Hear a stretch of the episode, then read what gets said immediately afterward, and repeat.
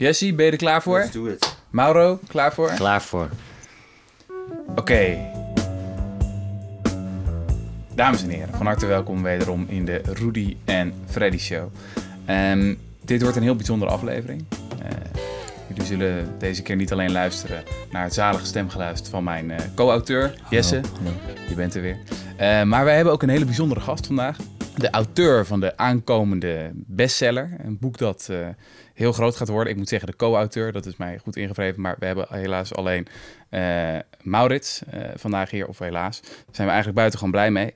Je hebt wel iets te verbergen, heet het. De ondertitel over het levensbelang van privacy. Volgens mij is het misschien het beste gewoon om te beginnen bij, de, bij de, de echte titel van het boek. Je zegt, je hebt wel iets te verbergen. Daar zit een frustratie in. In de, in de eeuwige discussie die, men, die je altijd hebt met mensen over privacy. Dat Klopt. mensen zeggen van... eh, en ik moet zeggen dat ik het zelf ook al heel vaak heb gedacht, stiekem. Dat mag natuurlijk niet. Ehm, van, ja, ik heb eigenlijk wel iets... Ik weet altijd wel dat het bij... Hoe zeg je dat? Dat het bij mijn profiel hoort. Ehm, ik ben een wat linksige, progressieve schrijver voor een, een hippig medium. Dus ik moet iets geven om privacy. Maar echt voelen, dat lukt nog niet altijd. Nee. Nee, nou ja, die, eh, die, die emotie is, eh, is, is herkenbaar. Ehm, Dimitri Tokmetsis, mijn co-auteur en ik, eh, we schrijven allebei al, eh, al jaren over, over privacy. Voor de correspondent, maar daarvoor ook voor andere media. En het argument, ik heb niets te verbergen, eh, hoorden en horen we eh, heel vaak. En Ehm, wat jij zegt, dat hadden wij ook. Van dat argument dat klopt niet, er is iets mis mee. Maar als je erover door gaat denken ehm, en, en de vraag probeert te beantwoorden waarom dat niet klopt en wat er mis mee is, ehm, dat is moeilijker, dat is ingewikkelder. En eh, toen, we, toen we voor de correspondent begonnen te werken, toen eh, hebben we het hier ook over gehad. Over, over, over die uitspraak en over manieren om die, om die uitspraak te debunken eigenlijk.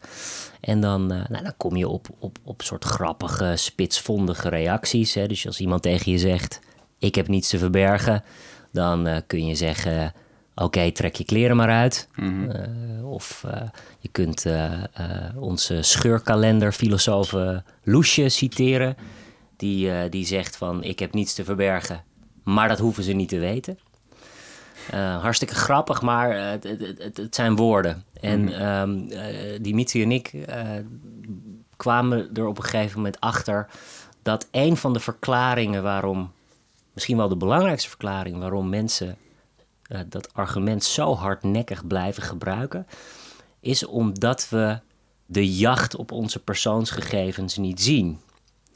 Uh, we weten het allemaal wel, we hebben er wel eens over gehoord. En het staat wel eens in de krant, maar je ziet het niet gebeuren. Als jij Facebook gebruikt, dan zie je gewoon een hele lekkere nieuwsfeed. En je ziet je vrienden. En je ziet niet wat Facebook tegelijkertijd doet met jouw gegevens, ho- hoe het bedrijf die analyseert, hoe het bedrijf die gegevens verkoopt en, en welke gevolgen dat voor jou heeft.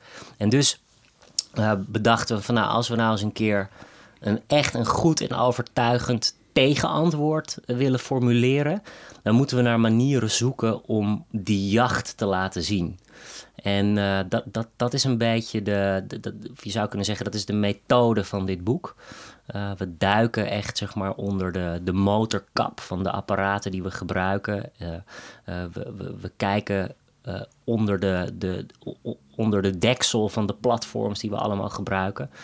Um, op zoek naar, naar, naar, naar, naar een aantal hoofd, antwoorden op hoofdvragen. Zoals van, ja, wat gebeurt er nou eigenlijk met onze gegevens? Uh, wie verzamelen die? Waarom verzamelen ze die gegevens? En welke consequenties heeft dat? Uh, ja, je had ook zo'n goede quote van, was Bruno Latour geloof ik? Ja. ik ook aan de universiteit lezen. En toen vond ik hem altijd totaal onbegrijpelijk. Maar ik heb nog een les, van, les, van, les van hem gehad. Oh, echt joh? Ja, dat was hilarisch, maar ik begreep er geen snars van. Maar ja. wat, wat zei hij ook weer over apparaten? Van dat ze... Het letterlijke citaat heb ik even niet paraat, maar hij, hij, hij heeft het over uh, uh, de, de, de black box, de, de, de zwarte dozen. Mhm. Mm -hmm. En dat zijn uh, zowel de apparaten die we gebruiken, maar ook de technologische systemen waar we afhankelijk van zijn. Eh, en hij zegt eh, dat het eigenlijk heel, heel gek is dat we, eh, hoe afhankelijker we worden van die apparaten of die systemen, hoe minder noodzaak er is om ze te begrijpen.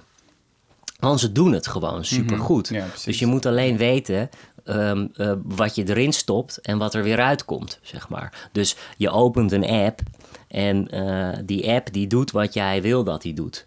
Maar de werking, en uh, hij heeft het ook heel erg over de politiek die erachter zit, de, de, de, gewoon de, de mensen die dat apparaat hebben gebouwd en zo. En, en dat heeft natuurlijk allemaal invloed op de uiteindelijke werking. Ja, dus het is een beetje dubbel eigenlijk. We zeggen, ik heb niks te verbergen, omdat op dit moment verborgen is wat er allemaal al gebeurt. Ja. Dat we eigenlijk niet weten wat we allemaal weggeven aan wat voor partijen en wat die daarmee doen. Ja, ja. Mm.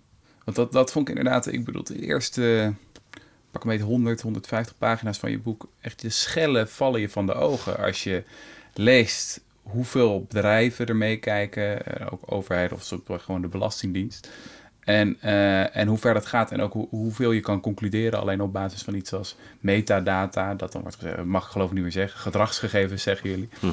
Ehm, eh, dat alleen al de gegevens van waar ik ben of met wie ik heb gebeld of weet ik wat al heel veel kunnen, kunnen zeggen over mij. Ja, precies. En dat zie je dus ook niet. dus stel dat je zou zien welke gegevens allemaal van jou op pak een beet een ochtend worden verzameld. Mhm.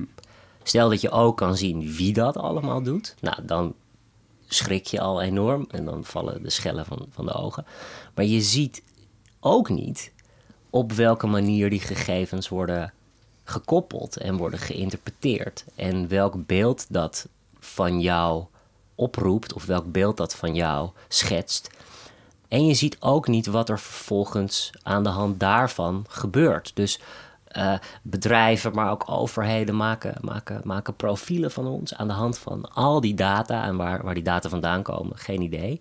Uh, en die profielen zijn zeg maar de leidraad in de manier waarop zij ons behandelen en benaderen en zien. En wij, uh, dit is een andere auteur die, ik, die, die, die we citeren in het boek. Um, uh, Frank Pasquale heet hij. Hij heeft een heel mooi boek geschreven, The Black Box Society. Hm. Ook weer refererend aan de, de, de, Black Box. En, en, en hij zegt van ja, um, deze bedrijven, overheden, technologieën en systemen weten steeds meer over ons, maar wij begrijpen hen steeds minder goed. Um, en dat zit hem heel erg ook in die, in, in, in die, in die analysefase, zeg maar. Wij zien niet hoe zij ons zien. Is niet ook het probleem een beetje dat heel veel van die privacy-discussie ook vaak blijft hangen bij incidenten? Dus jullie geven ook een aantal voorbeelden van een, een, man die gaat naar, weet ik veel, de douane en die wordt uitgepikt omdat een of ander systeem op hol is geslagen. Of weet ik veel, je leest zoals in de krant over identiteitsdiefstal en dat soort dingen. het is altijd heel naar en je denkt, oh, dat zou echt vervelend zijn. En toch trek je er niet veel consequenties uit, omdat ik ken niemand die dat heeft meegemaakt. Ik ken niemand die iemand kent die dat heeft meegemaakt. Terwijl ik heel veel mensen ken die bijvoorbeeld, weet ik veel, in de zorg hebben gezeten en de zorg slecht vonden. Of, eh, laten we zeggen, een uitkering hebben gehad en vernederd werden bij de sociale dienst. Mhm. Dus dat we ons iets meer opwinden op over dat soort onderwerpen is misschien ook logisch omdat, ook al is het allemaal eng wat er gebeurt en is het grootschalig, als je dan gaat kijken van wat zijn de concrete gevolgen. Jullie geven het voorbeeld van uh, de, de, een beetje een Kafka-samenleving, waar je ineens door de systemen uh, eruit gepikt kan worden en eigenlijk geen flauw benul hebt. Mhm. En wat er gebeurt. Maar aan de andere kant is het niet zo dat dat toch voor een groot deel bij, bij incidenten blijft. Bij, bij hele nare incidenten, daar niet van. Maar is het dan ook niet begrijpelijk dat mensen zeggen van ja, maar ook al verzamelen ze heel veel, ik heb er ook niet al te veel last van. Ja. Nou, ik denk wel dat je kan zeggen dat uh, het uh, volledig misgaan, dus dat je echt gewoon mensen hebt wiens leven is verwoest, uh, dat, dat, dat zijn incidenten, dat zijn, dat zijn uitzonderingen. Um, maar um, het is wel zo, en we putten in ons boek ook heel erg uit, uh, uit het werk van de, uh, uh, van de WRR, de Wetenschappelijke Raad voor Regeringsbeleid. Die heeft een geweldig rapport geschreven vijf jaar geleden. I-overheid heette dat. En die hadden toegang tot tot, tot alle ministeries, tot alle systemen, tot alle hoge ambtenaren. Die hebben daar een lijvig verslag van gemaakt. En hun conclusie was: nou ja, wat we horen en wat we lezen over, over mensen eh, met wie, het, met wie het mis is gegaan. Uh, mensen die echt gewoon naar de kloten zijn gegaan door, door fouten in databases. Dat, dat zijn incidenten. Um, maar het onderliggende probleem is systemisch. Uh, het probleem dat bijvoorbeeld bij de Nederlandse overheid niemand enig overzicht heeft over welke gegevens waar te vinden zijn.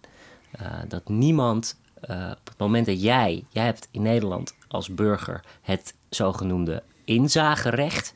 Dus jij mag naar je gemeente gaan of, of, of, of naar een andere overheidsdienst.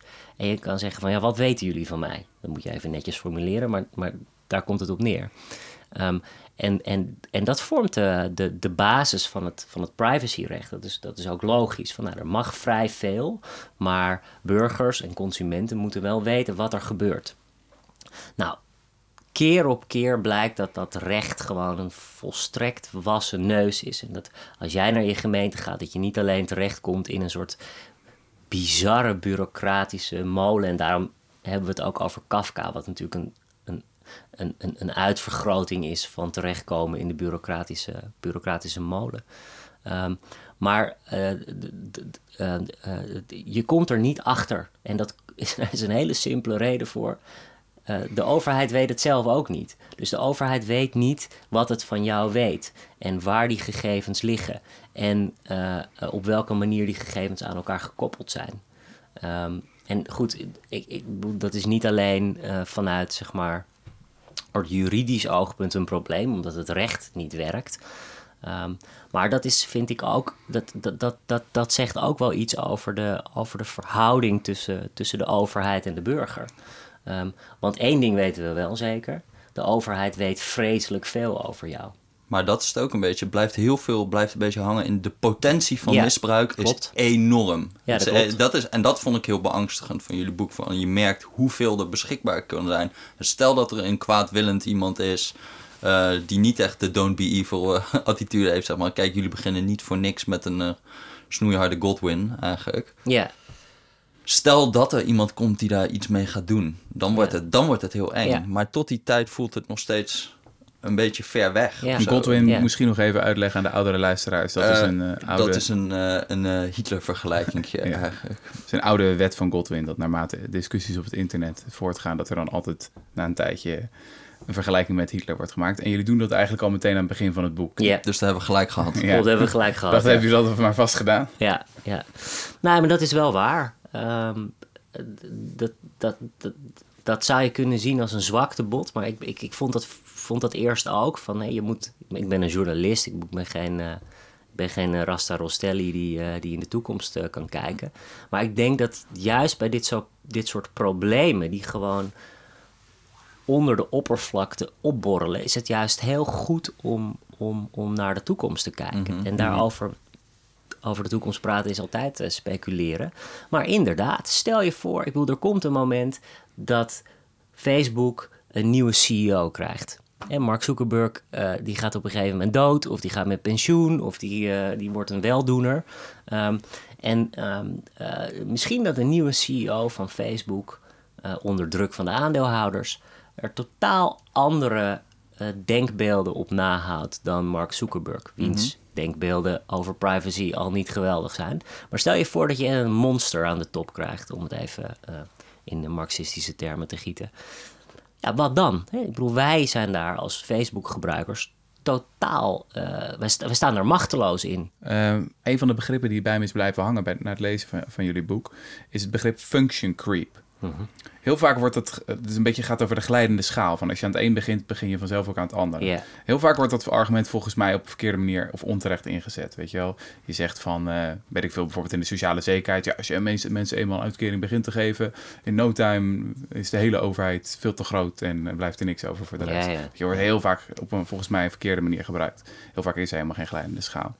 Maar in die privacy-discussie zie je het wel degelijk optreden. Dat er, er wordt een database in het leven geroepen. Er worden gegevens verzameld. Er wordt bij gezegd, bijvoorbeeld door Google, van nou, dat doen we alleen maar voor deze reden, et cetera.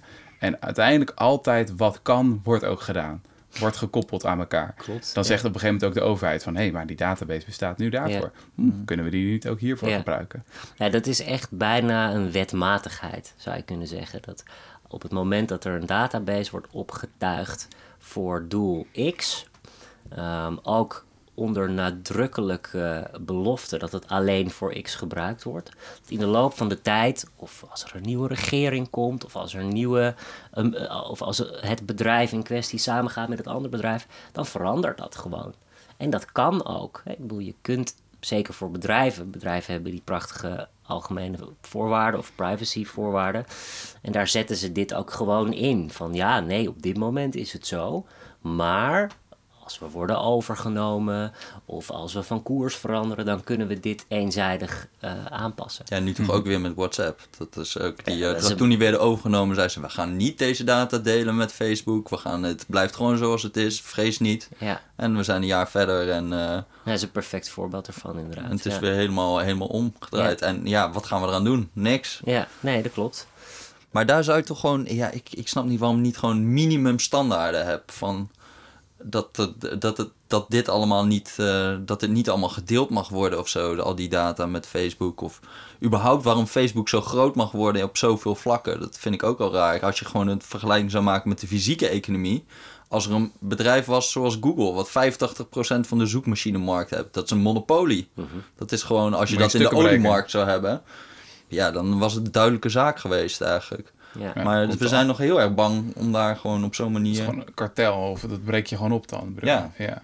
Ja, misschien is dan ook gewoon het probleem dat we privacy te veel zijn gaan zien als een, eh, als een individueel probleem, als een individueel dingetje. Dus ik moet mijn gegevens beschermen voor al die grote machtige bedrijven. Terwijl in het laatste hoofdstuk van jullie boek maken jullie het punt van eigenlijk als we deze discussie echt verder willen brengen en ook duidelijk willen maken van hoeveel er voor ons, niet voor jou alleen, maar voor ons op het spel staat, dat privacy eigenlijk in essentie een collectieve aangelegenheid is. Ja, En dat vond ik, daar begon ik echt overtuigd te raken. Dus in het begin eh, heb je het over heel veel informatieverzamelingen en incidenten. En dan denk je van, oh, het is wel schokkend, maar gaat het mij wel aan? Maar dan realiseer je ineens van, dit gaat eigenlijk over ons allemaal. klopt. Ja. En dus eigenlijk eh, is het allemaal afgeleid een beetje van privacy, al die heleboel fundamentele rechten. Ja. Dus daarin is privacy ook een fundamenteel recht. Dat is het toch eigenlijk, dat je eigenlijk gewoon ook een vrijheid van, eh, van surveillance wil hebben. Naast gewoon een vrijheid van meningsuiting, een vrijheid. Eigenlijk wel, maar dat heb je ook. Hè? Ik bedoel, privacy is een mensenrecht. Hm. Dus dat, bedoel, het staat gewoon in, eh, in het Europees Verdrag eh, voor de Rechten van de Mens. Maar het wordt veel minder serieus genomen, dus blijkbaar. Nou ja, het wordt heel erg vernauwd tot een individuele aangelegenheid. Mhm. Ook als mensenrecht. Dus je hebt als individu het recht eh, op privacy. En dat, en dat is wel zo, maar daar houdt het zeg maar... Maar wat zou dat concreet anders maken als je het collectief gaat zien eigenlijk? En je- nu in de invulling van dat recht. En volgens mij zou dat betekenen dat er inderdaad grenzen worden gesteld aan, ehm aan massasurveillance bijvoorbeeld. Ja, ja, Aan- dus nu, nu is het veel meer van... eh, als het individu toestemming geeft, daar trekken we de grens. Ja, in precies, weet je wel. En, Ik- en ik collectief akkoord. is meer dat je zegt, dit is een minimum en Ja. tot hier en niet verder, Ja, zeg maar. Ja, Dus dat je het niet meer laat afhangen helemaal van, eh, van of iemand toestemt met algemene voorwaarden of zo. Precies, Nee. nu is het de gebruikersvoorwaarden.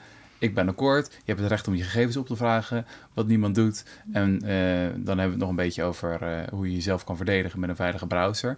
En dat is op zich niet allemaal verkeerd, maar het, het gaat ons uite- uiteindelijk niet echt verder helpen, omdat alleen een groepje van fanatici die bij Bits of Freedom zitten, eh, dat doen.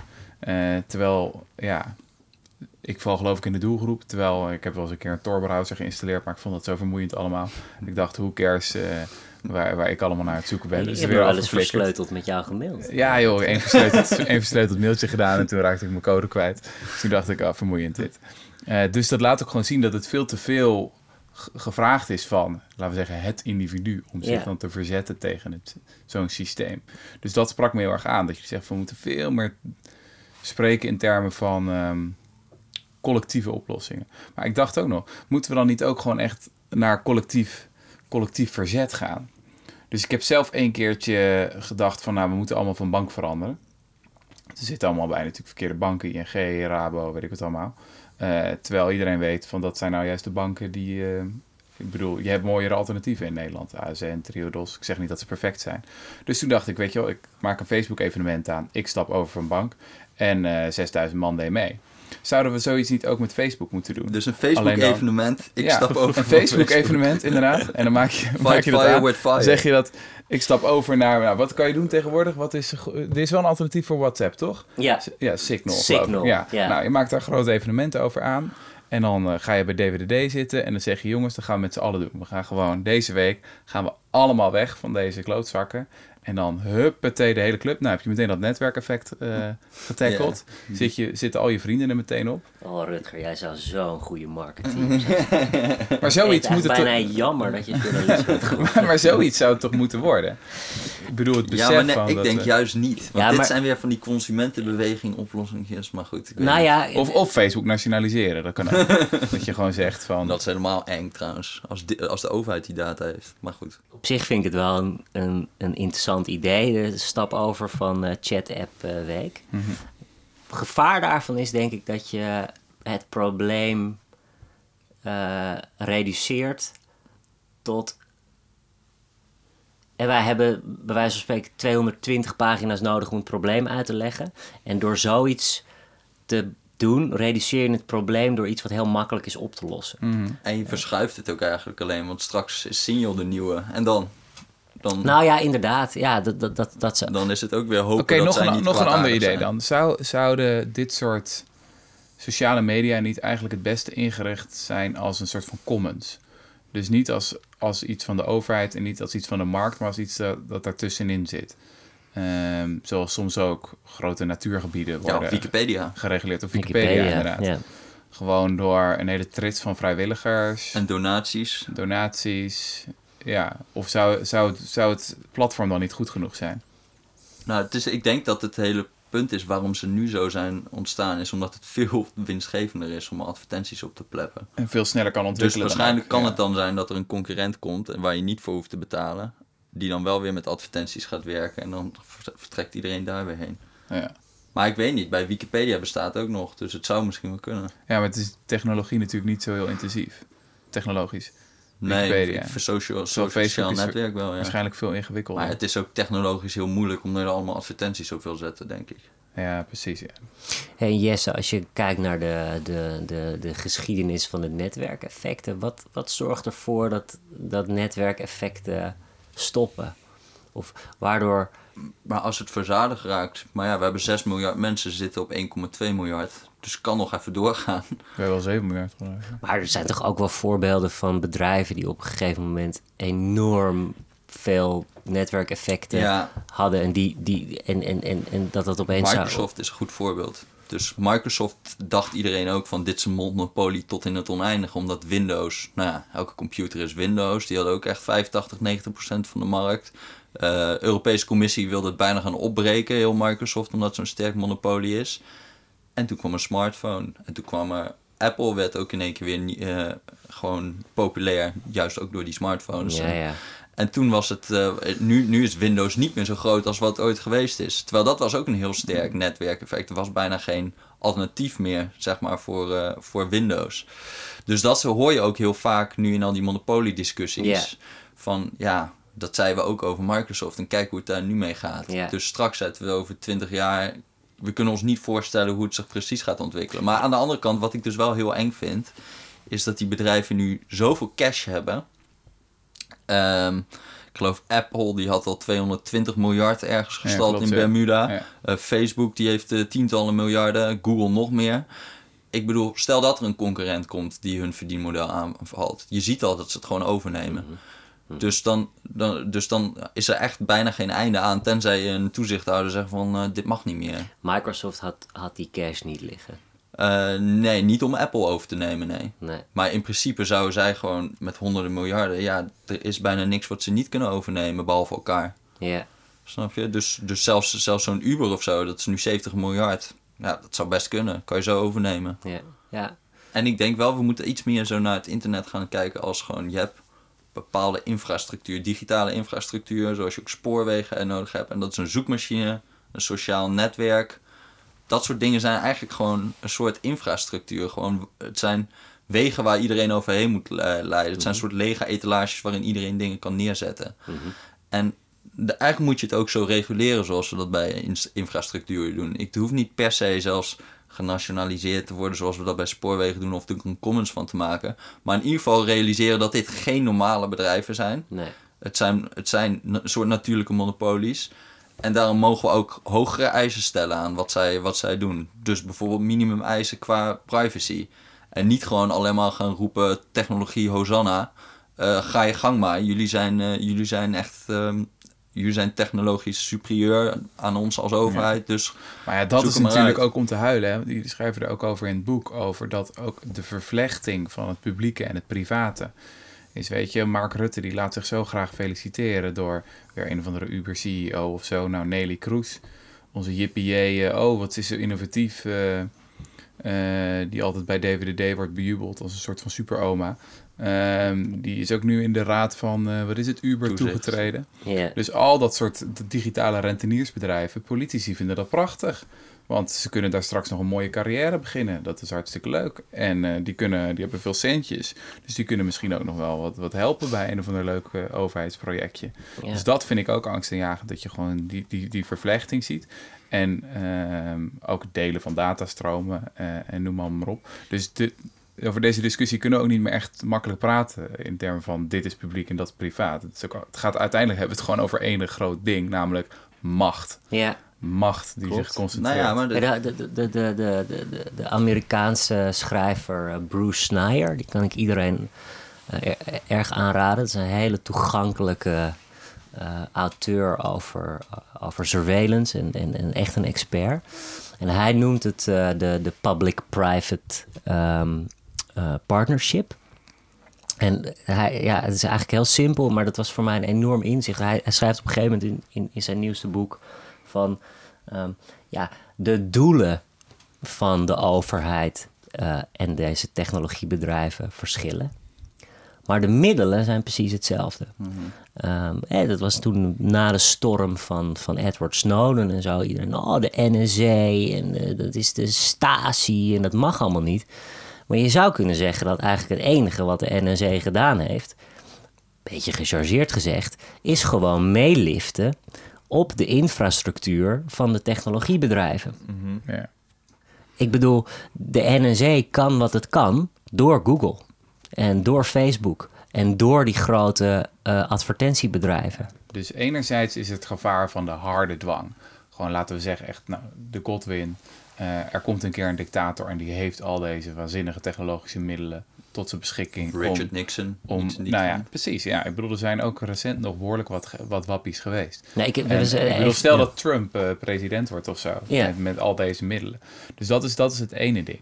Maar het andere ding waar we het over hebben, dat gaat eigenlijk over iets anders. Namelijk meer de, de zachte dwang die uitgaat van al dit soort, met name private advertentiebedrijven. En wat voor type samenleving zij aan het kneden zijn. Het deed mij heel erg denken aan het boek van eh, James C. Scott, waar we het ook in de vorige podcast over hadden. Is, wat hij beschrijft is eigenlijk een ontwikkeling sinds de 17e eeuw, waarin overheden, bureaucratieën, privaat of publiek, steeds meer mensen hebben weten te dresseren, in lijntjes weten te laten kleuren. En dat is de- dat, oh, machthebbers willen altijd de bevolking eh, begrijpelijk maken, zodat ze belasting kunnen leesbaar afbetalen. noemt hij Leesbaar, dat. ja Ja. Mhm. eh, belasting betalen, et cetera, et cetera. En dat is enerzijds een enorme zegening geweest. Ik bedoel, de afgelopen 300 jaar hebben we immense welvaartsgroei gezien. Heeft voor- voor de industriële revolutie is ook niet spontaan ontstaan, is gewoon van bovenaf eh, voor een deel gepland. Ehm, maar anderzijds heeft het de diversiteit van het menselijk samenleven enorm aangetast. Dus een van de grote thema's of bewegingen van de afgelopen paar eeuwen is dat bijvoorbeeld als je kijkt naar het aantal talen dat we wereldwijd spreken, zwaar op retour. Culturen beginnen steeds meer op elkaar lijken. Als je naar verschillende wereldsteden gaat, ze zien overal hetzelfde uit. Overal heb je de Starbucks en de H&M en weet ik wat allemaal. Dus dat is volgens mij echt een van de grote, grote dingen, dat mensen wereldwijd steeds meer op elkaar gaan lijken. En dit is eigenlijk nog een stap verder daarin. Als we, als we ook nog eens worden gecategoriseerd in allerlei hokjes. Jij bent zo'n type consument. Jij wil dit consumeren. En we elkaar steeds meer gaan bevestigen op Facebook, et cetera. Je gaat gewoon uiteindelijk naar een soort van samenleving waarvan je het gevoel hebt, verliest die op termijn niet zijn, zijn ziel of zo. Ehm, ja, dat vind ik, vind, ik, eh, vind ik heel mooi gezegd. Ehm, ik, ik denk inderdaad dat wat, wat, wat Scott uh, zeg maar leesbaarheid noemt. En mm het is natuurlijk ook logisch dat een, in ieder geval een, een, een staat de burgers een beetje wil kennen. Om, ja, anders kan je ze niet besturen, zeg maar. Ehm, maar die, die leesbaarheid die is de afgelopen, nou, laten we zeggen, 15 jaar zoveel groter geworden. Ik bedoel, onze bewegingen worden gevolgd, weet je wel? Onze, uh, uh, ons uh, informatiezoekgedrag van iedereen ter wereld wordt ergens geregistreerd. Dat is, dat is, dat is onvergelijkbaar met, met, met, met 50 of 100 jaar geleden. Mm -hmm. en dat is de ene kant. En de andere kant is dat uh, wat, wat, wat Scott ook, ook beschrijft, is dat het uiteindelijke doel daarvan is dat je mensen wil uh, besturen en misschien wel sturen uh, in, in, in, in de richting van het, van het gewenste gedrag. En de mogelijkheden daartoe zijn ook alleen maar toegenomen de afgelopen, de afgelopen 15 jaar. Dat was ook jouw reflex bij de Belastingdienst. Van ja, het is ook wel chill als zij gewoon veel van ons weten. Want dan kunnen ze al die. In de ongelijkheidsdiscussie is een van de problemen dat we gewoon te weinig weten van rijke mensen. Waar ze hun geld hebben gestald. Dus eigenlijk moeten we hun privacy wat for, forser aantasten. Ja. Dus ja. Het heeft ook enorme nou, basis. Nee, soms. ik weet niet. Kijk, ik snap al die punten in jouw boek zijn wel heel terecht. Hoor, met van dat uh, Belastingdienst weet waar je hebt, uh, hebt geparkeerd. En dat, er, uh, dat gewoon elke flitspaal volgens mij zit de Belastingdienst. Weet ik altijd toest Nou ja, ja zo, zo, zoiets. Beetje ja. gechargeerd. Ja, ja. maar ik, ik, ik merkte altijd in, namelijk in die, in, die, in die belastingontduikingsdiscussies. daar beroept iedereen zich op privacy. Dus de, de Zwitsers die zijn gewoon heel erg uh, privacy-lievend volk. En daarom uh, geven ze aan geen enkele belastingdienst geven ze informatie over rekeninghouders en zo. Dus er zit daar wel een beetje een grens Ja. aan, zeg maar, het privacy-argument. Want het is ook best begrijpelijk dat de Belastingdienst wel veel van je weet. Maar dat is Ja, ook ja, zo maar goed die- aan het boek van James C. Scott. Dus dat hij enerzijds laat zien wat we verloren hebben. Aan diversiteit en, en, en, en privacy bijvoorbeeld. Maar ook wat we gekregen hebben. Namelijk, ik bedoel, de Belastingdienst is het fundament een beetje onder de Nederlandse beschaving. Ja, Ehm, en daardoor is het ook zo moeilijk om je te verzetten tegen al die, die, die, die aanval op privacy. Omdat mensen elke keer zeggen, ja, maar dan krijgen we wel weer dit. ja. Kunnen we de criminaliteit ietsje omlaag brengen. Zeker, zeker. Maar in het geval van, eh, van, van, van, van, van de rijken die hun, hun, hun geldstromen verstoppen, daarvan zeg ik ook van ja, de- daar, daar, daar moet iets aan gebeuren. Privacy, daar gaat het helemaal niet om. En de Belastingdienst in Nederland moet gewoon weten wat iedere Nederlander bezit en wat hij verdient om, om, om, om zijn werk te kunnen doen. Dus, dus dat begrijp ik wel. Maar wat je ziet bij de Belastingdienst en ook bij andere overheidsdiensten, is dat zij steeds meer sleepnetten uit gaan gooien. Eh, eh, eh, in de hoop dat ze bijvoorbeeld fraudeurs tegenkomen of mensen die te veel kilometers rijden met hun leaseauto. En dat vind ik een andere vorm van privacy Nou ja, wat, dat is eigenlijk wat ze nu ook doen. Dat is belastingontduiking hoor. Met, met die Zwitsers, die moeten gewoon rekeningnummers van alle bankrekeninghouders uit Nederland gaan delen. Dat is gewoon een sleepnet ja, eigenlijk. ja, dat is een sleepnet. En, ja. en vroeger zei ze van nee, dat vinden we te privacy, privacy gevoelig, dus je moet een gericht verzoek gaan doen. Maar je komt er nooit achter dat ze iets in Zwitserland hebben als je alleen een gericht verzoek mag doen. ja. Want je weet het niet. Dus je moet wel een sleepnet gebruiken. Maar daar is, daar is gewoon zeg maar wel een beetje een spanning tussen privacy en... ja, dat klopt. Maar ja, goed, dat Ja. is moeilijk om, om daaruit te komen. Ja, maar van hiervan zou je zelfs nog kunnen zeggen: ja, ik ken deze casus niet. Maar dit, dit is zeg maar gericht ongericht. Ik bedoel, er zijn gewoon heel veel aanwijzingen dat er tussen, Ja. tussen, tussen die, die bankrekeningen heel veel, eh, heel veel boeven zitten, zeg maar. Ja. Maar eh, de voorbeelden waar ik het over heb, dat is een soort preventief een sleepnet uitgooien. Dus oké, weet je, we komen erachter dat ongeveer 1% van de lease-rijders waarschijnlijk te veel kilometers rijdt dan dat ze mogen rijden. Weet je wat we doen? We verzamelen alle parkeerdata van alle Nederlanders en kijken of we in die enorme hooiberg eh, die paar speltjes kunnen vinden. Ja. En met als gevolg dat dus al die andere mensen eh, eh, ook onderdeel zijn van weer een nieuwe database. En die database mag bij de Belastingdienst ook nog eens vijf tot zeven jaar bewaard worden. Ja. Ehm, en als je nadenkt over zeg maar, de progressie van, van, van technologie, dan moet je eens indenken wat de Belastingdienst over vijf jaar met die data kan. Wat voor algoritmes ze dan ontwikkeld hebben, die ze daar overheen kunnen, kunnen gooien en welke lessen ze daaruit kunnen trekken. Hey, en eh, Maurits, tot slot, je had, eh, aan het eind van het boek gaat het over dat we een tegenmacht moeten ontwikkelen eigenlijk, om privacy te beschermen. Wat stel je daarbij voor? Wat gaat die tegenmacht zijn? Hoe gaan we dat doen? Gaan we weer met de zwarte vlag naar het binnenhof? eh? En dit zijn wel vragen die je beter aan de marketeer Brechtman eh, kunt, eh, kunt, eh, kunt stellen. Moeten we Tegenwoordig allemaal bij Bits of Freedom? Ehm, nou, ik denk dat die tegenmacht, dat beschrijven we ook, die, die moet volgens, volgens ons op verschillende niveaus ontstaan. Ehm, als individu kun je tegenmacht bieden, eh, beperkt, maar het kan. Je kunt, eh, je kunt jezelf digitaal enigszins wapenen. Er zijn manieren om, om, om bijvoorbeeld al die smerige derde partijen op websites tegen te houden. Eh, er zijn manieren om iets anoniemer online te bewegen. Eh, er zijn alternatieven voor WhatsApp. En jullie geven daar tips voor, toch? Ja, geven we, we hebben een, een, een, een zelfverdedigingsgids gemaakt. die, die, die dit soort, waar dit soort praktische tips in staan. Eh, dus op dat niveau. Je kunt als individu ook gewoon eh, heel simpel eh, inderdaad geld doneren aan partijen die, die, die, die, die hiervoor staan. eh, die hiervoor vechten. Ehm, je kunt ook je verdiepen in de politieke programma's en voor een partij kiezen die privacy heel belangrijk vindt. Ehm, nou, good luck with that. Vind maar eens zo'n partij. Maar goed, Daar begint het toch al. Dat dit Nee, dit moet gewoon een issue worden. Nee, dat klopt. En, eh, Dit moet gewoon een issue worden. Want het is niet eens in een verkiezingsprogramma staat het bij Nee, van. er zou echt iets moeten veranderen eh, eh, om dit probleem aan te kunnen pakken. Maar het begint met boosheid. Het begint met boosheid, ja. Maar het, het- ik hoop ook dat dit, dat dit boek, hoewel we die handvatten misschien niet heel direct aanreiken, dat het ook mensen wel aanzet tot handelen. Ehm, en dat kan dus, zoals ik net al zei, dat kan op individueel niveau zijn.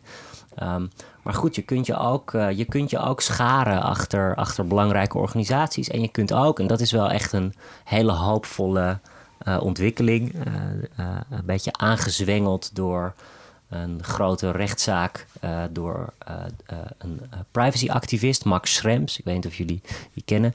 Die heeft, um, die heeft Facebook aangeklaagd. En die is door het Europees Hof van Justitie gelijkgesteld. En door, voor heel veel privacybewegingen op dit moment is dat een soort lichtend voorbeeld van hoe je uh, zowel bedrijven als overheden op deze thematiek aan kunt gaan pakken. Dus collectief rechtszaken voeren mm -hmm. namens de burger, namens een groepje burgers en uh, met verwijzing naar mensenrechten. Mm -hmm. Dus niet naar, uh, met, met verwijzing naar, uh, zoals dat dan heet, individual harm. Hè? Dus deze persoon heeft er last van. Maar nee, dit bedrijf schendt ons mensenrecht. en uh, als je uh, met, met, met daarmee naar, naar, naar de hoogste rechter in Europa stapt, um, is er tegenwoordig kans dat hij jou of zij jou in het gelijk stelt. Mm -hmm. En dat is wel, dat is misschien. Hoopgevend wel. Hè? Dat is op dit moment wel, denk ik, de meest hoop, hoopgevende uh, route. Mm -hmm. um, waar weet ik ook in Nederland een aantal partijen mee bezig zijn om om, om, om hier stappen in te gaan nemen. Nou, beste luisteraars, ik hoop dat uh, jullie het interessant vonden. En ik dat jullie de. Tor-browser gaan installeren. Ik vond het een uh, fascinerend gesprek, uh, Maurits. Ik ook. Ik wens je veel sterkte de komende tijd. Het zal, dat zal druk worden. Groetjes thuis. Dag. Dankjewel.